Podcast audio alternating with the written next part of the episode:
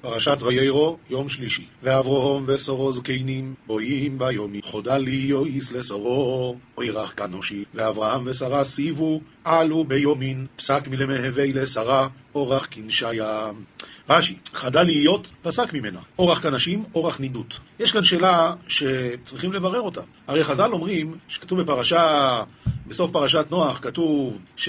ושרי עקרה, אין לה ולד. וחז"ל אומרים שאפילו בית ולד לא היה. אז אם לא היה לה בית ולד, מה פירוש חדל להיות לשרה אורח כנשים? והתשובה לזה, את השאלה שואל המדרש, מדרש רבה. והמדרש אומר שחדל, אצלנו, בעברית שלנו, חדל זה נקרא היה והפסיק. בעברית של התורה, חדל זה לא היה אף פעם. איפה רואים את זה? וכי תחדל לנדור לא יהיה בך חטא. מוצא שפתיך תשמור ועשית, כאשר ציווך השם אלוקיך. אם נדרת תשמור, אבל וכי תחדל לנדור לא יהיה בך חטא. אם תגיד שתחדל הכוונה שהיה פעם והפסיק, אז למה לא יהיה בך חטא? אלא מוכרחים לומר שווכי תחדל הכוונה לא היה אף פעם, שמעולם לא נדרת, אז לא יהיה בך חטא. אותו הדבר פה, חדל להיות לשרה אורח כנשים, חדל הכוונה מעולם לא היה. כי באמת צור אימנו לא היה לה אפילו בית ולד. ממילא, הנס שהשם עשה פה הוא נס כפול ומכופל. ותצחק צורו בקרבו לאמו עיר, אחריו לא הסיעו איסולי עדנו, ואדוני זוקין. וחייכת שרה במאה למימר, בתר דסייבית הבת לי ולאמו, וריבוני סיב. רש"י, בקרבה, מסתכלת במאה, ואמרה, אפשר הקרביים הללו טעונים ולד, השדיים הללו שצמקו מושכים חלב? אחריו לא תהיה הייתה לי עדנה, אומר רש"י, תחצוח בשר, ולשון משנה זה מישיר את הבשר ומעדן את הבשר. דבר אחר, לשון עידן, זמן וסת, נידות. אז היא אומרת, אני כבר זקנה, איך יכול פתאום עכשיו להיות? ויאמר אדוני אל אברהם, לא מוזה צוחקו סורו לאמו עיר, האף נום אילד, ואני זוקנתי, ואמר אדוני לאברהם, למדנן חייכת, שרה למימר, אברהם בקושתא הוליד, ואנה סייבית. אומר רש"י, האף אמנם, הגם אמת, אלד, ואני זקנתי. שינה הכתוב מפני השלום, שהרי היא אמרה, ואדוני זקנתי. אבל השם בא ואמר לו, היא אמרה שהיא זקנה. למה? מפני השלום. כמה דברים בעניין הזה, דבר ראשון, דבר ראשון, שינה הכתוב, פני השלום, למה היה צריך לשנות? היה יכול שבכלל לא להגיד את זה. היה יכול להגיד, למה זה צחקה שרה? או, למה זה צחקה שרה לאמור האף, אמנם אלד. את האני זקנתי לא היה צריך להגיד. לא אני, ולא הוא, ולא אף אחד. אז למה השם אמר את זה? אומר הבן איש חי ללמדנו, שזה לא חוכמה להגיד אני לא בעניין. לפעמים צריכים לשקר כדי לעשות שלום. רצה הקדוש ברוך הוא להגיד שזה לא משהו של שב ואל תעשה, אלא זה תעשה, צריכים לשנות בשביל השלום. היי פולה מאדוני דובור למוי עד, או שוב אילכו כועס חיו ולשורו ובין. היית כסי מן קדם הדינוי פתגמה לזמן, פתגמה? לזמן עיטוב לבטח כאידן דאתון כימין, ולשרה ור. רש"י היפלק את תרגומו היתכסה, וכי שום דבר מופלא ומופרד ומכוסה ממני מלעשות כרצוני למועד, לאותו מועד המיועד שקבעתי לך אתמול, למועד הזה בשנה האחרת אני אבוא ויהיה לשרה כבר בן. ותכחיש סורו לאמור לא יצוחקתי כי יורהו, ויאמר לוי כי צוחוק, ובחדיבת, קדיבת, זה כזב. וחדיבת שרה למימר לך היחיד, הרי דחילת, לכן היא אמרה שהיא לא. ואמר לה, ברם חייכת. רש"י, כי ירע כי צחקת. הראשון משמש לשון דהה, שהרי ירע, לכן היא אמרה שנותן טעם לדבר, ותכחי שרה, לפי שירע. והשני משמש בלשון אלא, ויאמר לא כדברייך הוא, לא כדברייך הוא, אלא צחקת. שאמרו רבותינו כי משמש בדלת לשונות, אי דילמה אלא דהה. אז כאן, בפעם הראשונה שכתוב כי זה שהרי, ובפעם השנייה שזה אלא, אלא צחק. מוריי ורבותיי, יש כאן דבר נורא ונפלא. איך יכול להיות שסורים תכחש? מה זה שייך בכלל? אנחנו, אין לנו טיפת מושג מה זה נקרא סורו אימנו, אבל מלאך אלוקים יכול לשקר. סורו אימנו לא שייך בכלל שהיא תשקר, לא שייך. כי הרי אז, לכן היא אמרה לא. השם אומר כן, היא אומרת לא. מה הולך פה? אומר הבן איש חי, כתוב ככה: ותצחק שרה בקרבה לאמור. מה זה בקרבה? בתוכו. מה זה לאמור? בחוץ. אז היא אמרה או לא אמרה? היא אמרה או לא אמרה? אומר הבן איש חי, סורו אימנו לא אמרה מילה. וכשכתוב בתורה לימויר, הכוונה ככה, היא צחקה, בתוך קרבה. לימויר, הכוונה, זה כוונת הצחוק היא לימויר. הצחוק אומר, לא היא אמרה, ותצחק שרה בקרבה. לימויר, הצחוק הזה אומר שאחרי בלותי הייתה לי עדנה ואדוני זקן. זה מה שהצחוק אומר, לא היא אמרה. עכשיו, כמו שהצחוק הזה אומר שאחרי בלותי הייתה לי עדנה ואדוני זקן, ככה הצחוק הזה יכול להגיד שמחה. זה יכול להגיד כל דבר. השם בא אל אברהם אבינו, אומר לו, למה זה צחקה שרה? לימויר, האף אמנם מלד ואני זקנתי. בא אברהם אבינו, אומר לשרה, למה את לא... לא... למה את לא מאמינה? את אמרת שאת לא מאמינה. היא אמרה, אני? לא אמרתי דבר כזה. ותכחש שרה לאמויר. היא אמרה לא. הלא הזה גם מתפרש לשתי משמעויות. משמעות אחת זה, לא צחקתי. משמעות שנייה זה, לא זלזלתי. ואת חסרה? היא אמרה לא. לאמויר, מה הלא הזה? לא צחקתי, כי ירע. אברהם אבינו הבין שהיא אומרת לא צחקתי. היא לא אמרה, היא רק אמרה לא. רק הלימור של זה הוא לא צחקתי כי ירע. ואברהם אבינו מבין מיד שזה לא יכול להיות, שהשם אומר שהיא צחקה והיא אומרת שהיא לא צחקה, בלתי אפשרי. סורו אימנו זה לא שייך אצלה. אז אמר לה לא, לא, תקשיבי. ויאמר לא היא, כי צחקת. אני לא אמרתי שאת אמרת שאת לא מאמינה, אני רק אומר, את צחקת. והמשמעות של הצחוק הזה זה שאת לא מאמינה. יוצא שהשרה אימנו לא עלה בדעתה חס חלילה להגיד שקר. כשהוא אמר לה, למה את אמרת שאת לא מאמינה? אני לא אמרתי. היא לא אמרה, אני לא אמרתי, היא אמרה, לא. והלא הזה הוא לימויר, לא צחקתי. זה כאילו, אפשר היה להבין שהיא אומרת לא צחקתי. אבל באמת, היא לא אמרה את זה. ואברהם אבינו הבין שזה לא יכול להיות, לכן הוא אמר לה, ויאמר לא, כי צחקת, על זה אני מדבר. זה היא כמובן לא הכחישה. כך מסביר הבן איש חי. עוד דבר, בכל אופן יש פה איזשהו משהו שנוגע לשקר, משהו שנוגע לשקר, וזה דבר יפה, כתוב בגמרא, שהייתה איש אחד שקוראים לה קושטא, ושם לא היו מתים, כי אף אחד לא היה משקר. אז אף אחד לא מת לפני זמנו. יום אחד מישהו בא לגור שם, ואשתו הייתה באמצע להתרחץ. באה משכנה ושאלה אם היא נמצאת, אז הוא אמר לו, היא לא נמצאת. עכשיו, זה לא שקר, הוא בסך הכל התכוון להגיד, בשבילך היא לא נמצאת כרגע. אבל שני הבנים שלו מתו, באו השכנים אמרו, תספר מה היה, סיפר, אמרו לו, תעשה טובה, תלך מפה, שלא ישלוט בנו המוות. שלא ישלוט בנו המוות. אז uh, יש כאן uh, לימוד מאוד יפה. אתם יודעים כמה פסוקים יש בפרשת בראשית? בראשית, סוף פרשת בראשית, יש, שנייה אחת, קמ"ו פסוקים. 146 פסוקים. פרשת נוח, הנה עוד שנייה, שישי, פרשת נוח, 153, ועוד 146, 253, 259, 299 פסוקים. פרשת לך לך, פרשת לך לך, יש לנו פה 126 פסוקים. אז 299, זה 399, 319, 325. עכשיו, פרשת ויירו, התחלנו ויירו עם פרק י"ח, ועכשיו אנחנו אוחזים בפרק י"ח, פסוק ט"ו, זה בדיוק 440. כמה זה 440 בגימטריה? מת. מה יש בפסוק מת? ותכחש שר. שקר מביא את המוות. זה רמז יפה. עכשיו אנחנו עוברים לנביאים, מלכים ב', פרק ד', פסוקים י"א עד ט"ו. אחזנו, זה שייך להפטרה שלנו, שאותה שונמית הכינה לאלישע עליית גג עם כיסא, שולחן, מיטה ומנורה, כדי שיוכל לבוא שם להיות. ויהי היום ויבוא שמה, ויעשר אל העלייה, וישכב שמה. אלישע הגיע ובאמת שכב שמה, ויאמר אל גיחזי נערו, קרא לשונמית הזאת, ויקרא לה, ותעמוד לפניו. ויאמר לו, אמור נא אליה, הנה חרדת אלינו את כל החרדה הזאת, מה לעשות לך? היש לך, היש לדבר לך אל המלך או אל שר הצבא? ואתה אומר, בתוך עמי אנוכי יושבת, אני לא צריכה כלום. בתוך עמי אנוכי יושבת. ויאמר, ומה לעשות לה? ויאמר גיחזי, אבל בן אין לה אישה. כן. אז כאן צריכים נס כמו אצל סורי אמנו, שבעלה זקן, והיא כבר גם כן לא יכולה ללדת, אבל בן אין לה. ובעלה זקן, ויאמר קרא לה, ויקרא לה ותעמוד בפתח. את ההמשך מחר בעזרת השם. בכסובים, יש לנו היום משלי, פרק ל"ד, סליחה, פרק ג', פסוק ל"ד ל"ה, ופרק ד', פסוק א' עד ג'. אז הנה אנחנו קוראים, אם לליצים הוא יליץ. הקדוש ברוך הוא, אם אחד רוצה ללכת בדרך הזאת של ליצים, רש"י אומר, אדם שנמשך אחריהם, לסוף אף הוא יהיה לץ עמהם. אז הוא יליץ. ולענבים ייתן חן, אם לענבים יתחבר, סוף שייתנו מעשיו חן בעיניהם של בריות. אדם שהולך בדרך הישרה, בסוף אנשים אוהבים אותו ושמחים איתו והכל. ואדם שהולך עם ליצים, אז בסוף הוא נהיה בעצמו לץ. כבוד, חכמים ינחלו, וכסילים מאירים קלון. אומר רש"י, כבוד חכמים ינחלו וכסילים מאירים קלון, לעצמו מפריש קלון לחלקו.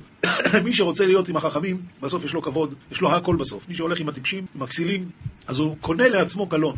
ואז כאן מתחיל פרק ד', שמעו בנים מוסר אב, והקשיבו לדעת בינה. שמעו בנים מוסר אב, אומר רש"י, זה הקדוש ברוך הוא. והקשיבו לדעת בינה, נת... כי לקח טוב נתתי לכם. תורתי, אל תעזובו. רש"י, הנביא מתנבא ומדבר בשליחותו של הקדוש ברוך הוא, והרי הוא כפיו, לכן הוא אומר, אני נתתי לכם, כאילו הוא מדבר, כאילו השם מדבר פה. כי בן הייתי לאבי רך ויחיד לפני אמי. כאן הוא בא ואומר ככה, אולי, אולי שלמה המלך קצת מגזים, אולי פשוט מנעו ממנו דברים טובים. אומר, אומר רש"י, אם תאמר שלמה היה שונא הבריות, שהזהירן על הגזל ועל האריות, דבר שנפשו של אדם מתאווה להן, לכך נאמר, כי בן ההיא, רך ויחיד, שהיה אוהב אותי יותר. תשמע, אבא שלי אהב אותי עם כולם, ואבא שלי לימד אותי את הדברים שהם באמת טוב, ולכן אני... ברש"י הבא, שאנחנו צריכים ללמוד מחר, אז הוא אומר שדבר אחר, כי בן הייתי לאבי, חוזר לפסוק הזה, הוא אומר ככה, הנביא אומר, בן הייתי לקדוש ברוך הוא, שישרה רוחו עליי, ומצינו שקראו הקדוש ברוך הוא לשלמה, בן, שנאמר, אני אהיה לו לאב. אז זה פירוש אחר, ורך ויחיד לפני אמי, לעומתי אני נבחר, וחביב כבן רך ויחיד, לכך ויורני אבי.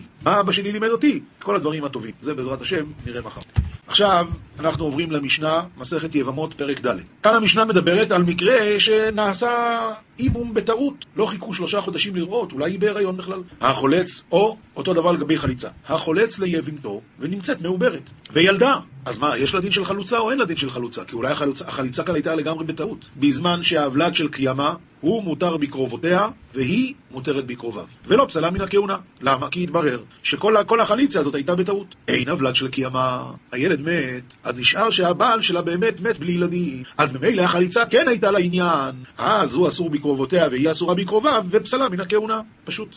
הכונסת יבימתו, ונמצאת מעוברת וילדה. עכשיו, הוא כנס אותה. עכשיו אם יתברר חס וחלילה שזה ולד בן קיימא, ממש עבירה חמורה. אז הכונסת יבימתו ונמצאת מעוברת וילדה, בזמן שהוולד של קיימא יוציא אותה. ודאי, זה אשת אח. וחייבים בקורבן חטאת, הם עשו עבירה גדולה. ואם אין הוולד של קיימא, אז מותר לו להשאיר אותה, כי מתברר שבסדר, הוא כנס אותה ובאמת היה צריך כאן את האימו. ספק בין תשעה לראשון, ספק בין שבעה לאחרון. אז בואו נעשה חשבון. הוא התחתן איתה, הם לא חיכו שלושה חודשים, הוא לקח אותה, איבם אותה, ועכשיו נולד ילד. והילד הוא קיים. רק אני לא יודע אם הילד נולד אחרי שבעה חודשים לשני. כלומר, באמת הילד הזה הוא של האח המייבם, או שהוא בן תשעה של הראשון. אם הוא בן תשעה של הראשון, יוצא שהיה אסור להתחתן איתה. אם הוא בן שבעה לאחרון, בסדר גמור, מה עושים? לכן, להשאיר אותה הוא לא יכול, כי אולי היא באמת אשת אח, כי אולי זה בן תשעה לראשון, ואז יוציא. לגבי הוולד, הוולד כשר, כי אני ספק לגביו. אז אני אומר, אתה יודע מה, הוא בטח של הראשון. והאחרון, הכלל האחרון הוא שחייבים באשם תלוי, כיוון שיש לנו פה ספק לגבי העבירה, האם נעשתה פה עבירה או לא נעשתה פה עבירה, לכן מביאים אשם תלוי ולא חטא. משנה ג' שומרת יבם שנפלו לה נכסים, מודים בית שמאי ובית הלל שמוכרת ונותנת וקיים. זאת אומרת, היא בסך הכל שומרת יבם. אז עכשיו קיבלה ירושה נכסים. האם מותר לה למכור בנכסים האלה, או שנאמר לא, היא כבר נשואה? התשובה היא לא, היא לא נשואה. אמנם יש לה זקיקות, היא זקוקה ליבם שלה, אבל זה עדיין לא עושה אותה אשתו, ולכן ודאי שמותר לה לכתחילה למכור ולתת, והכל בסדר גמור, הכל קיים. מתה. שאומרת יבם שמתה. עכשיו יש לנו ספק לגבי כל מיני כספים, יש כאן כתובה שמגיע לה מבעלה הראשון. יש כאן נכסי מילוג. אז כראינו נכסי מילוג זה נכסים שהבעל משתמש בקרן, סליחה, שהקרן שייכת לאישה והבעל אוכל פירות. ויש נכסי צאן ברזל, שאז גם הקרן שייכת לבעל, אלא שהוא מתחייב ביום שהוא יגרש אותה או שהוא ימות, היא תגבה את, ה, את הקרן מהנכסים שלו. עכשיו השאלה, מה עושים אם היא מתה בזמן שהיא שומרת יבם? אז מתה. מה יעשו בכתובתה? ובנכסים הנכנסים ויוצאים עמה. בית שמאי אומרים, יחלקו יורשי הבעל עם יורשי האב. לגבי מה הם אומרים את זה? אומר רבינו עובדיה מברטנורה, דספק נשואה היא, וזוכה היבם בחצי ירושתה מספק, שהבעל יורש את אשתו. וזה שספק נשואה היא אצלו, זוכה בפלגה, מצוין. ובית הלל אומרים, נכסים בחזקתן. על מה בית הלל מדברים פה? על נכסי צאן ברזל. עוד פעם, בנכסי צאן ברזל גם הקרן שייכת לבעל. רק מה? נכסיו אחראים על זה. ברגע שהוא ימות, או יגרש אותה, היא תגבה מהנכסים שלו את הקרן. אז מה הדין? בית הלל אומרים נכסים בחזקתן. ומה זה נקרא בחזקתן? בחזקת יורשי הבעל. כתובה בחזקת יורשי הבעל. שוב, היא עדיין לא גבתה את הכתובה, זה בחזקת יורשי הבעל. נכסים הנכנסים ויוצאים עמה, שזה נכסי מילוג, שהקרן שייכת לה, והפיר... סליחה, הקרן שייכת לה, כן, והפירות לבעל, בדבר הזה, אז זה בחזקת יורשי האב. מי זה יורשי האב? זה הצד שלה. זה בסדר. משנה ד', כנסה. אם הוא כבר איבם אותה, הרי היא כאשתו לכל דבר, ובלבד שתהא כתובתה על נכסי בעלה הראשון. יפה מאוד. אם הוא כנסה, זה גמרנו. עכשיו זה אשתו. אבל מה? אם עכשיו היא תהיה אשתו והוא יקבל ממנה כתובה, אז הוא מפסיד. היא מפסידה. כי כשהיא התחתנה עם בעלה, הקודם, היא הייתה בתולה, מגיע לה בכתובה 200. עכשיו שהיא מתחתנת איתו, היא בעולה, אז לא מגיע לה 200, לכן כדאי לה שהכתובה שלה תהיה על נכסי בעלה הראשון, להשתמש באותה כתובה. אבל מצד שני, יש כאן גם משהו לרעתה, כי אם נניח שלבעלה הראשון אין נכסים, אז היא לא תוכל לגבות כתובה. לכן, אה, לכן אומר רבינו עובדיה מברטנורה, והיא לית לה כתובה מבעלה הראשון, כלומר, אין נכסים. אז הדין הוא שכותב לה היבם כתובה על נכסיו, והיא מנה בלבד. אבל זה כתובה של בעולה, אז רק מנה. משנה ה' מצווה בגדול לייבם. זה הדין. מאיפה לומדים את זה? כי כתוב, והיה הבכור. עכשיו ת, ת, תשימו לב, דבר מדהים. על מה נאמר והיה הבכור? על מה נאמר והיה הבכור? והיה הבכור אשר תלד יקום על שם אביו. אז על מי מדובר פה בכלל? מדובר על הילד שייוולד. מאיפה אתה הגעת מפה לזה שהבכור צריך לייבם? התשובה היא, אומרת הגמרא, אף על פי שאין מקרא יוצא מידי פשוטו, כאן חז"ל הוציאו את המקרא מידי פשוטו, כמובן זה במסורת מהר סיני. זה הלימוד של חז"ל. הלאה, אם הוא לא רצה, אז מהלכים על כל האחים, אתה רוצה, אתה רוצה, אתה רוצה. לא רצו, חוזרים אצל גדול ואומרים לו, עליך המצווה, או חלוץ או יבם. שנה ו', תלה בקטן עד שיגדיל. בא האח הגדול ואומר, טוב, בסדר, אבל אני, אה, הוא, הוא, הוא, מה, הוא, הוא בן שמונה, אתה רוצה שיתחכה עכשיו חמש שנים? או הפוך, בגדול עד שיבוא ממדינת הים. האח הקטן, שהוא בן 15, בן 20, בן 40, מה זה משנה? הוא אומר, לא, אני לא, אח שלי שהוא כרגע באמריקה, בעוד עשר שנים הוא יבוא, אז. לא, זה לא הולך ככה. או יותר מזה, בחירש, בשוטה, כשהוא יתפכח, תכף הוא יבריא, הרופא אמר שתוך חצי שנה הוא יהיה בריא. אין שומעים לו, אלא אומרים לו, עליך המצווה, או חלוץ או יבם, אל תעגן אותה. משנה ז', החולץ ליבימתו, הרי הוא כאחד מן האחים לנחלה. הרי האח נפטר, ומי יורש אותו? אחים שלו. אז הייתי חושב, אבל כיוון שהוא לא רצה לייבם אותה, אז אומרים לו, אתה בהתחלות צנע, לך לך מפה. לא. הרי הוא כאחד מן האחים לנחלה. ואם יש שם אב, אז הנכסים הם בכלל של האבא. הכונס את יבימתו, זכה בנכסים של אחיו. הוא, הוא היורש הבלעדי של האח הזה שמת, שהוא כנס את אשתו. רבי יהודה אומר, בין כך ובין כך, אם יש שם אב, בכל מקרה הנכסים של האבא ואין הלכה כרבי. החולץ ליבימתו. איזה דין יש לו עכשיו לגבי האישה הזאת? בעצם, הוא חלץ לה. אז זה דומה לגרושתו. זה לא גרושתו, אבל זה דומה. הוא אסור בקרובותיה מדרבנן, והיא אסורה בקרוביו, כאילו שזה הייתה אשתו שהוא גירש אותה. הוא אסור באמה, ובאם אמה, ובאם אביה, ובביתה, ובבת ביתה, ובבת בנה, ובאחותה, בזמן שהיא קיימת. כלומר, כל זמן שאותה אישה חיה, אסור לו להתחתן עם אחות. והאחים. אז זאת אומרת, אלה שלא חלצו, שהיא רק הייתה זקוקה להם, הם מותרים בכל הקרובות. והיא, אותה חלוצה לגבי החולץ, אסורה באביו, ובאבי אביו, ובבנו, ובבן בנו, באחיו, ובבן אחיו, עד כאן. עכשיו, נסיים את המשנה, עוד דין, מותר אדם בקרובת צרת חלוצתו, ואסור בצרת קרובת חלוצתו. מותר אדם בקרובת צרת חלוצתו. אני, לא אני, מישהו היה צריך לעשות חליצה. ראובן עשה חליצה לרחל. עכשיו, אמרנו שהוא אסור בקרובותיה, כלומר, אסור לו להתחתן עם לאה. בסדר. מה הדין צרתה של לאה? האם ראובן יכול להתחתן איתה? אומרת המשנה, לא, אסור. אה, מותר. מותר אדם בקרובת צרת חלוצתו. לא, כמו שאני אמרתי, זה היה בסדר. אני התבלבלתי, עכשיו מההתחלה. מותר אדם בקרובת צרת חלוצתו, ואסור בצרת קרובת חלוצתו. זאת אומרת, אם ראובן חלץ לרחל, ואחותה זאת לאה, אז הוא אסור גם בצרתה של לאה. זה אסור. מה מותר?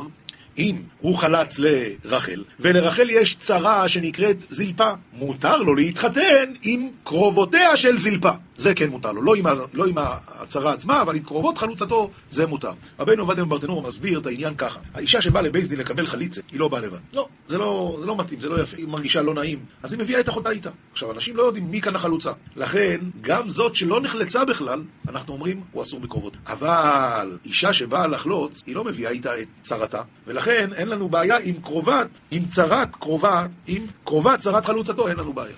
משנה ח' החולץ ליבימתו ונשא אחיו את אחותה. אדם חלץ ליבימתו, בסדר. עכשיו נשא אחיו את אחותה. אסור לו להתחתן, לאדם נורמלי אסור להתחתן עם אחות אה, חלוצתו. זה כמו אחות גרושה. עכשיו מת האח הזה שהתחתן עם אחותה. הדין הוא שאסור לו להתחתן איתה מדרבנון, ולכן חולצת ולא מתייבמת. אבל, במשנה כתוב וכן, ורבינו עובדיה מברטנור אומר שצריכים לקרוס אבל. אבל, המגרש את אשתו ונשא אחיו את אחותה, וכאן זה ממש אשתו, או אחות אישה אסורה מדאורייתא. אז אם אחיו מת, הרי זו פטורה מן החליצה ומן הייבום. אין שום, שום אה, אה, הזדקקות. משנה ט' שומרת יבם שקידש אחיו את אחותה. שומרת יבם שקידש אחיו את אחותה. שומרת יבם, קוראים לה רחל. והיבם קוראים לו ראובן. עכשיו שמעון קידש, עשה קידוש, הרי את מקודשת לי בטבעת זו, עם אחותה של רחל עם לאה. היה מותר לו לעשות את זה? לא. למה? כי אם אתה אח של ראובן, אז רחל זקוקה גם לך, איך אתה מקדש את אחותה? אבל זה זקוקה זה רק מדרבנון. ממילא, שומרת יבם שקידש אחיו את אחותה, משום רבי יהודה אמרו, אומרים לו המתן, עד שיעשה אחיך הגדול מעשה. ברגע שראובן ייבם את רחל, אתה כבר תוכל להתחתן עם לאה, עם, כן עם לאה. מה הדין חלץ לאחיו, או כנסה, אז יכנוס את אשתו.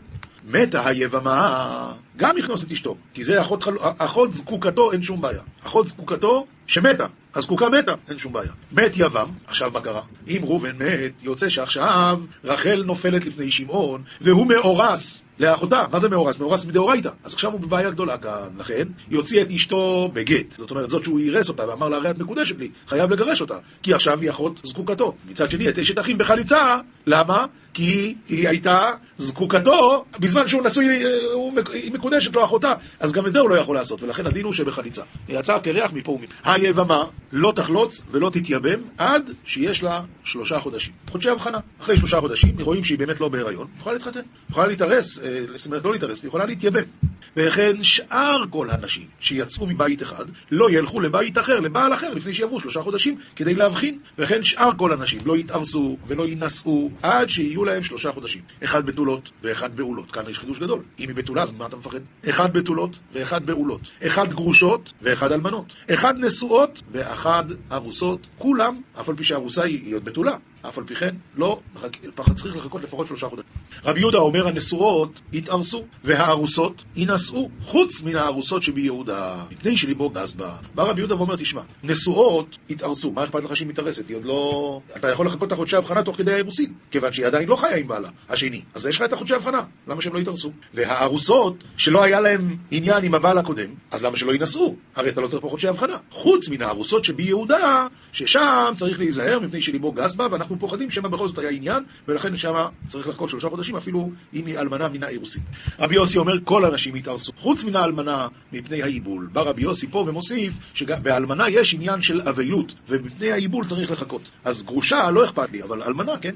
משנה י"א ארבעה אחים נשואים ארבע נשים, בעצם היו פה חמישה אחים, ארבעה מהם נשואים לארבע נשים, לא אחיות, ארבע נשים רגילות. וכל הארבעה האחים האלה מתו בלי ילדים, וכל הארבע נשים נפלו לייבום לפני האח החמישי, ומתו. אם רצה הגדול שבהם לייבם את כולם, הרשות בידו, בבריאות.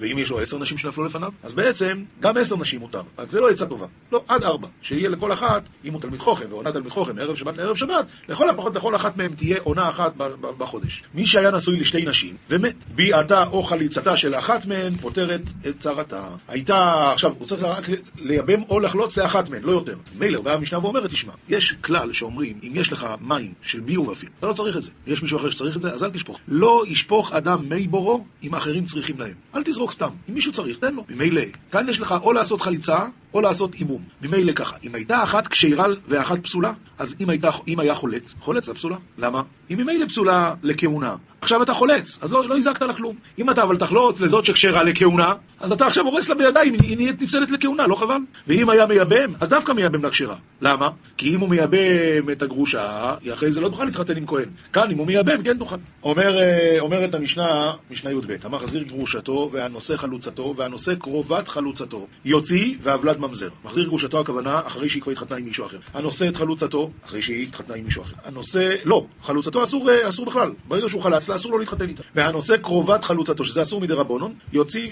והנושא קרובת חלוצתו. קרובת חלוצתו, אה, אבל זה דברי רבי עקיבא, אז לפי רבי עקיבא גם קרובת חלוצתו זה דאורייתא. יוציא והבלד ממזר דברי רבי עקיבא. וחכמים אומרים, אין הבלד ממזר. עכשיו, יש לנו פה שני חידושים. אחד שקרובת חלוצתו זה דאורייתא, ועוד דבר שרבי עקיבא סובר שכל איסור לאו, אם מתחתנים עם איסור לאו, הבלד נולד, הוא נהיה ממזר.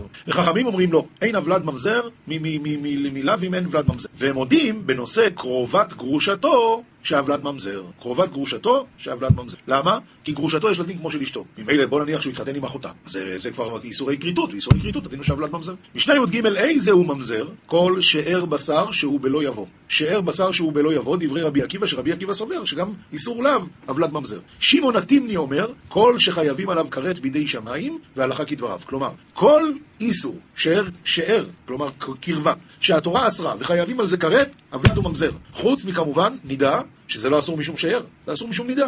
אבל כל שאר שהתורה אסרה והאיסור הוא כרת, הדין הוא שהבלד ממזר. והלכה כדבריו. רבי יהושע אומר, כל שחייבים עליו מיתת בית דין. עומר רבי שמעון בן עזאי, מצאתי מגילת יוחסין בירושלים וכתוב בה, איש פלוני ממזר מאשת איש. או ממזר מאשת איש. למה דווקא מאשת איש? התשובה היא לקיים דברי רבי יהושע, אבל אין הלכה כך. אשתו שמתה, מותר באחותה. אשתו שמתה, מותר באחותה. למה? כי כל מה שהתורה אסרה זה כשהם שתיהן חיות. אבל אם אשתו מתה, עכשיו אחותה מותרת. גרשה ומתה, מותר באחותה. גם אם הוא גירש אותה לפני, אין בעיה. אם היא מתה, מותר. נישאת לאחר ומתה, מותר באחותה. יבימתו שמתה, מותר באחותה. חלץ לה ומתה, מותר באחותה. נישאת לאחר ומתה, מותר באחותה. כל האיסור של אחות, שתי אחיות, זה רק כשאחת מהן חיה. אחת מתה, הוא יכול להתחתן. גמרא, מסכת יבמות, דף ל"ט עמוד ב'. טענתם, מצוות איבום קודמת למצוות חליצה. בראשונה, שהיו מתכוונים לשם מצווה, אז באמת היה מצווה לייבם, ולייבם היה מצווה עוד יותר מאשר לחלוץ. עכשיו, שאין מתכוונים לשם מצווה, אמרו, מצוות חליצה קודמת למצוות איבום. מה קרה? פשוט, אם אתה לא מתכוון לשם מצווה, אז האיש אסאח, ריבונו של עולם, זה ממש איסור. אז כיוון שאנחנו לא עושים כל כך לשם שמיים, אז יותר טוב לחלוט. עומר רבי חמא, עומר רמי בר חמא, עומר רבי יצחוק, חזרו לומר מצוות איבום קודמת למצוות חליצה. כן חזרו לזה. אמר לי רב נחמן בר יצחוק, מה אתה אומר? אכשורי דרי? עד כדי כך זה הגיע. אכשורי דרי? אמרו מקודם שלא עושים לשם שמיים, אז לא לעשות את זה. עכשיו פתאום נהיה דור כשר? עונה הגמרא מקורא סברי לה כאבא שאול, ולבסוף סברי לה כרבו. דתניא, אבא שאול אומר, הכונס את יבימתו לשם נוי, ולשם אישות, ולשם דבר אחר, הדין הוא כאילו פוגע בערווה. וקרוב אני בעיניי להיות שעוולת ממזר. וחכמים אומרים, כתוב יבמה יבוא עליה. זה מה שכתוב בתורה, לא כתוב שמיים, לא לשם שמיים. יבמה יבוא עליה. ממילא, מכל מקום, אפשר לעשות את זה. שואלת הגמור, אמן תנא ליד תנו רבונון, יבמה יבוא עליה, מצווה. ממי הוא זה שסובר את הדין הזה? שבתחילה הייתה עליו בכלל התר, ואחר כך נאסרה, וחזרה והותרה. יכול, תחזור להתרה הראשון, תלמוד לומר, יבמה יבוא עליה, מצווה.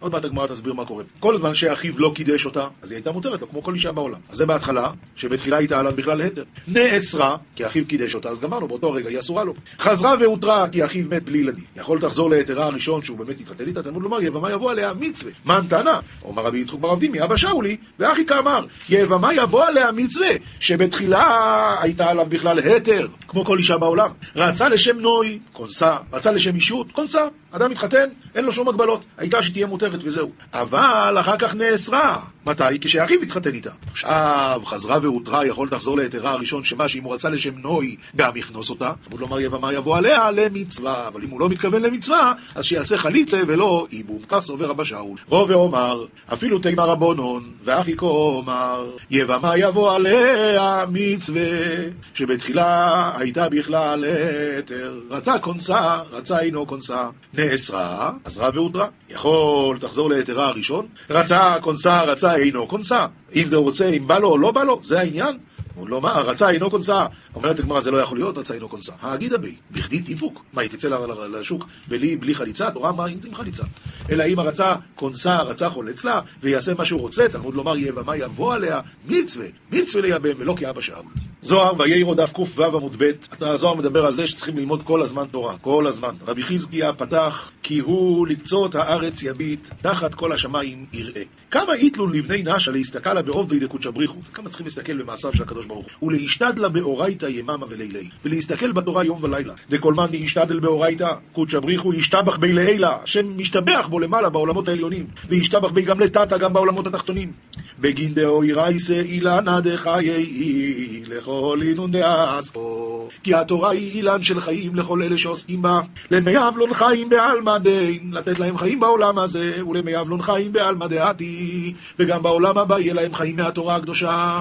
תאחזי, כי הוא לקצות הארץ יביא, למי אבלון מזוינה ולספקלון מכל מדי הצטריכו. השם מסתכל לכל הכיוונים, מי שלומד תורה, השם מספק לו מזון, איי, ונותן לו כל מה שהוא צריך. בגין דאי הוא אשלח ביתו דיר, דכתיב, תמיד עיני השם אלוקיך בה, מראשית השנה ועד אחרית שנה. בגין דארץ דע, מה כתיב בה? הארץ הזאת, אה, מה כתוב בה? ממרחק תביא לחמה, ולבת ארעי אהבת מזונה ותרפה לכל אינון חייבן ברם. איי, אחר כך היא נותנת מזון ופרנסה לכל חיות השדה.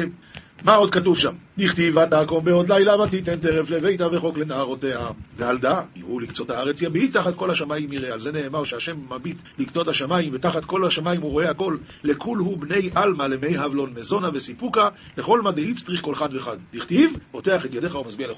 דבר אחר, כי הוא לקצות הארץ יביט להסתכלה בעובדוי דבר נש, השם מסתכל כל מה שבני אדם עושים, ולהשגחה בכל מה דאבני בני נשה בעלמא, תחת כל השמיים יראה, הסתכל וחמי לכל וחד. רציתי רק להוסיף מילה לגבי ההתחלה כאן. הוא אומר בהתחלה, כמה יתלו לבני נשה להסתכלה בעובדוי דקודשא בריחו, ולהשתגלה באורייתא יממה ולילי. כמה אנשים צריכים להסתכל במעשיו של הקדוש ברוך הוא, וללמוד תורה יומם ולילה. מה זה קשור אחד לשני? התשובה היא, שלומדים תורה, רואים את מעשיו של הקדוש הכל כתוב. רואים שזה הקדוש ברוך הוא עשה. אי אפשר להסביר את זה למי שלא טעם. אבל מי שטעם, רואים שזה הקדוש ברוך הוא עשה. שלומדים חתיכה גמרא עם רש"י ותוספות, עם רשב"ו, צריכים, צריכים עוד קורסים של ערכים? לא רואים שזה הקדוש ברוך הוא עשה? אם רוצה אדם להסתכלה בעובדו ידקות שם בריחו, להשתדלה באורייתא יממה ולילה, שפשוט ילמד תורה יומם ולילה, הוא כבר יראה הכל. לא צריך שום דבר יותר מזה. זה האמת. הלכה פסוקה שולחן ערוך של משפט סימן פ"ז. צריך להישבע בשם, או באחד מכל הכינויים, הוא מעומד. אם אדם צריך להישבע, אז הוא צריך להישבע בשם, או באחד מהכינויים. וכמובן בעמידה. ואם נשבע מיושב, אינו חוזר ונשבע. ותלמיד חכם, אפילו לכתחילה, אם הוא צריך להישבע, יכול להישבע מיושב, בין של תורה, בין של דבריהם, כלומר בין שבועה דאורייתא, בין שבועה דרבנון, בין על טענת ודאי, בין על טענת ספק, בכל מקרה, יושב. שניים שנתעצמו בדין ונשבעו שלא יטענו אלא האמת, ואחר כך נתחייב אחד מהם שבועה לחברו, יש אומרים שאינו נפטר בשבועה הראשונה, אלא עכשיו צריך להישבע מחדש. אה, סעיף ב', סדר שבועת הדיינים כך, הנשבע אוכל ספר תורה בזרועו, ונשבע בשם או בכינוי, בשבועה או בעלה מפיו או מפי הדיינים. כיצד מפי? אומר, הריני נשבע בשם אלוקי ישראל, או הריני נשבע במי ששמו רחום, זה נקרא כינוי, במי ששמו רחום, במי ששמו חנון, שאיני חייב לזה כלום. וכן, אם אמר הרי הוא ארור להשם, אלוקי ישראל, או הרי הוא ארור למי ששמו רחום או למי ששמו חנון, אם יש לזה אצלי כלום, זה נקרא שבועה. אבל זה כל זה שבועה מפיו. איך זה הולך מפי הדיינים? משביעים אנו אותך בשם אלוקי ישראל, או במי ששמו חנון שאין לזה בידך כלום. והוא עונה, אמן, לא צריך יותר. או שיאמרו הרי פלוני בן פלוני ארור להשם אלוקי ישראל או למי ששמו חנון, אם יש לפלוני אצלו ממון, ולא יודה לו. והוא עונה אמן, נקרא שבועה מפי הדיינים. שבועה זה חמור. עכשיו מוסר, רמב"ם הלכות טומאת צרעת, פרק ט"ז, הלכה י', זה רמב"ם מאוד מפורסם, תמיד צריכים לדעת את הרמב"ם. הרמב"ם באופן כללי מדבר על העניין של צרעת, צרעת זה הרי שם של כמה מחלות. יש צרעת בתים, צרעת בגדים, צרעת הגוף, צרעת ה... כל מיני. אז אומר הרמב"ם, הצרעת הוא שם האמור בשותפות, כולל עניינים הרבה, שאין דומים זה לזה. שהרי לא אור האדם קרוי צרעת, ונפילת קצת שיער הראש, או הזקן, גם קרוי צרעת. ושינוי עין הבגדים או הבתים, גם קרוי צרעת. וזה השינוי האמור בבגדים ובבתים שקראתו תורת צרעת, ושותפות השם, אינו ממנהגו של עולם. כאן הרמב"ם מתחיל לדבר על זה שהמחלה הזאת זה לא משהו טבעי. המחלה הזאת זה משהו ניסי, אינו ממנהגו של עולם. אלא אות ופלא היה בישראל כדי להזהירן מלשון הרע, שהמספר בלשון הרע משתנות קירות ביתו. אם חזר בו, יטהר הבית. אם עמד ברשעו עד שהוא דץ הבית, משתנים כלי האור שבביתו, שהוא יושב ושוכב עליהם. אם חזר בו, יטהרו, ואם עמד ברשעו עד שישרפו, משתנים הבגדים שעליו. אם חזר בו, יטהרו, ואם עמד ברשעו עד שישרפו, משתנה אורו ויצטרע, ויהיה מובדל ומפורסם לבדו עד שלא יתעסק בשיחת הרשעים שהוא הליצנות ולשון הרע. זאת אומרת, יש תהליך כזה, אם אדם לקח את הלקח כבר בפעם הראשונה, לא, לא ממשיכים איתו הלאה. אבל אם הוא לא מבין את הלקח, או אז צריך להמשיך הלאה עד שהוא נהיה בעצמו מצורע, כדי שיעזוב את שיחת הרשעים שהוא ליצנות ולשון הרע. עכשיו ממשיך הרמב"ם ממש מוסר, ועל עניין זה מזהיר בתורה ואומר ישמר בנגע הצרעת, זכור את אשר עשה השם אלוקיך למרים בדרך. הרי הוא אומר, מה אומרת התורה? הרי הוא אומר התבוננו מה אירע למרים הנביאה שדיברה באחיה, שהייתה גדולה ממנו בשנים, וגידלתו על ברכיה, וסיכנה בעצמה להצילו מן המים. והיא לא דיברה בגנותו, מה היא בסך הכל אמרה? אלא טעתה שהשוותו לשאר הנביאים, והוא לא הקפיד על הדברים, שנאמר ואיש משה עליו מאוד. ואף על פי כן, מיד נענשה בצרת. קל וחומר לבני אדם הרשעים, הטיפשים, שמרבים לדבר גדולות ונפלאות. לפיכך ראוי למי שרוצה לכוון אורחותיו להתרחק מישיבתן ומלדבר עמהן, כדי שלא ייתפס אדם ברשת רשעים וסכלותם. וזה דרך ישיבת הליצים הרשעים.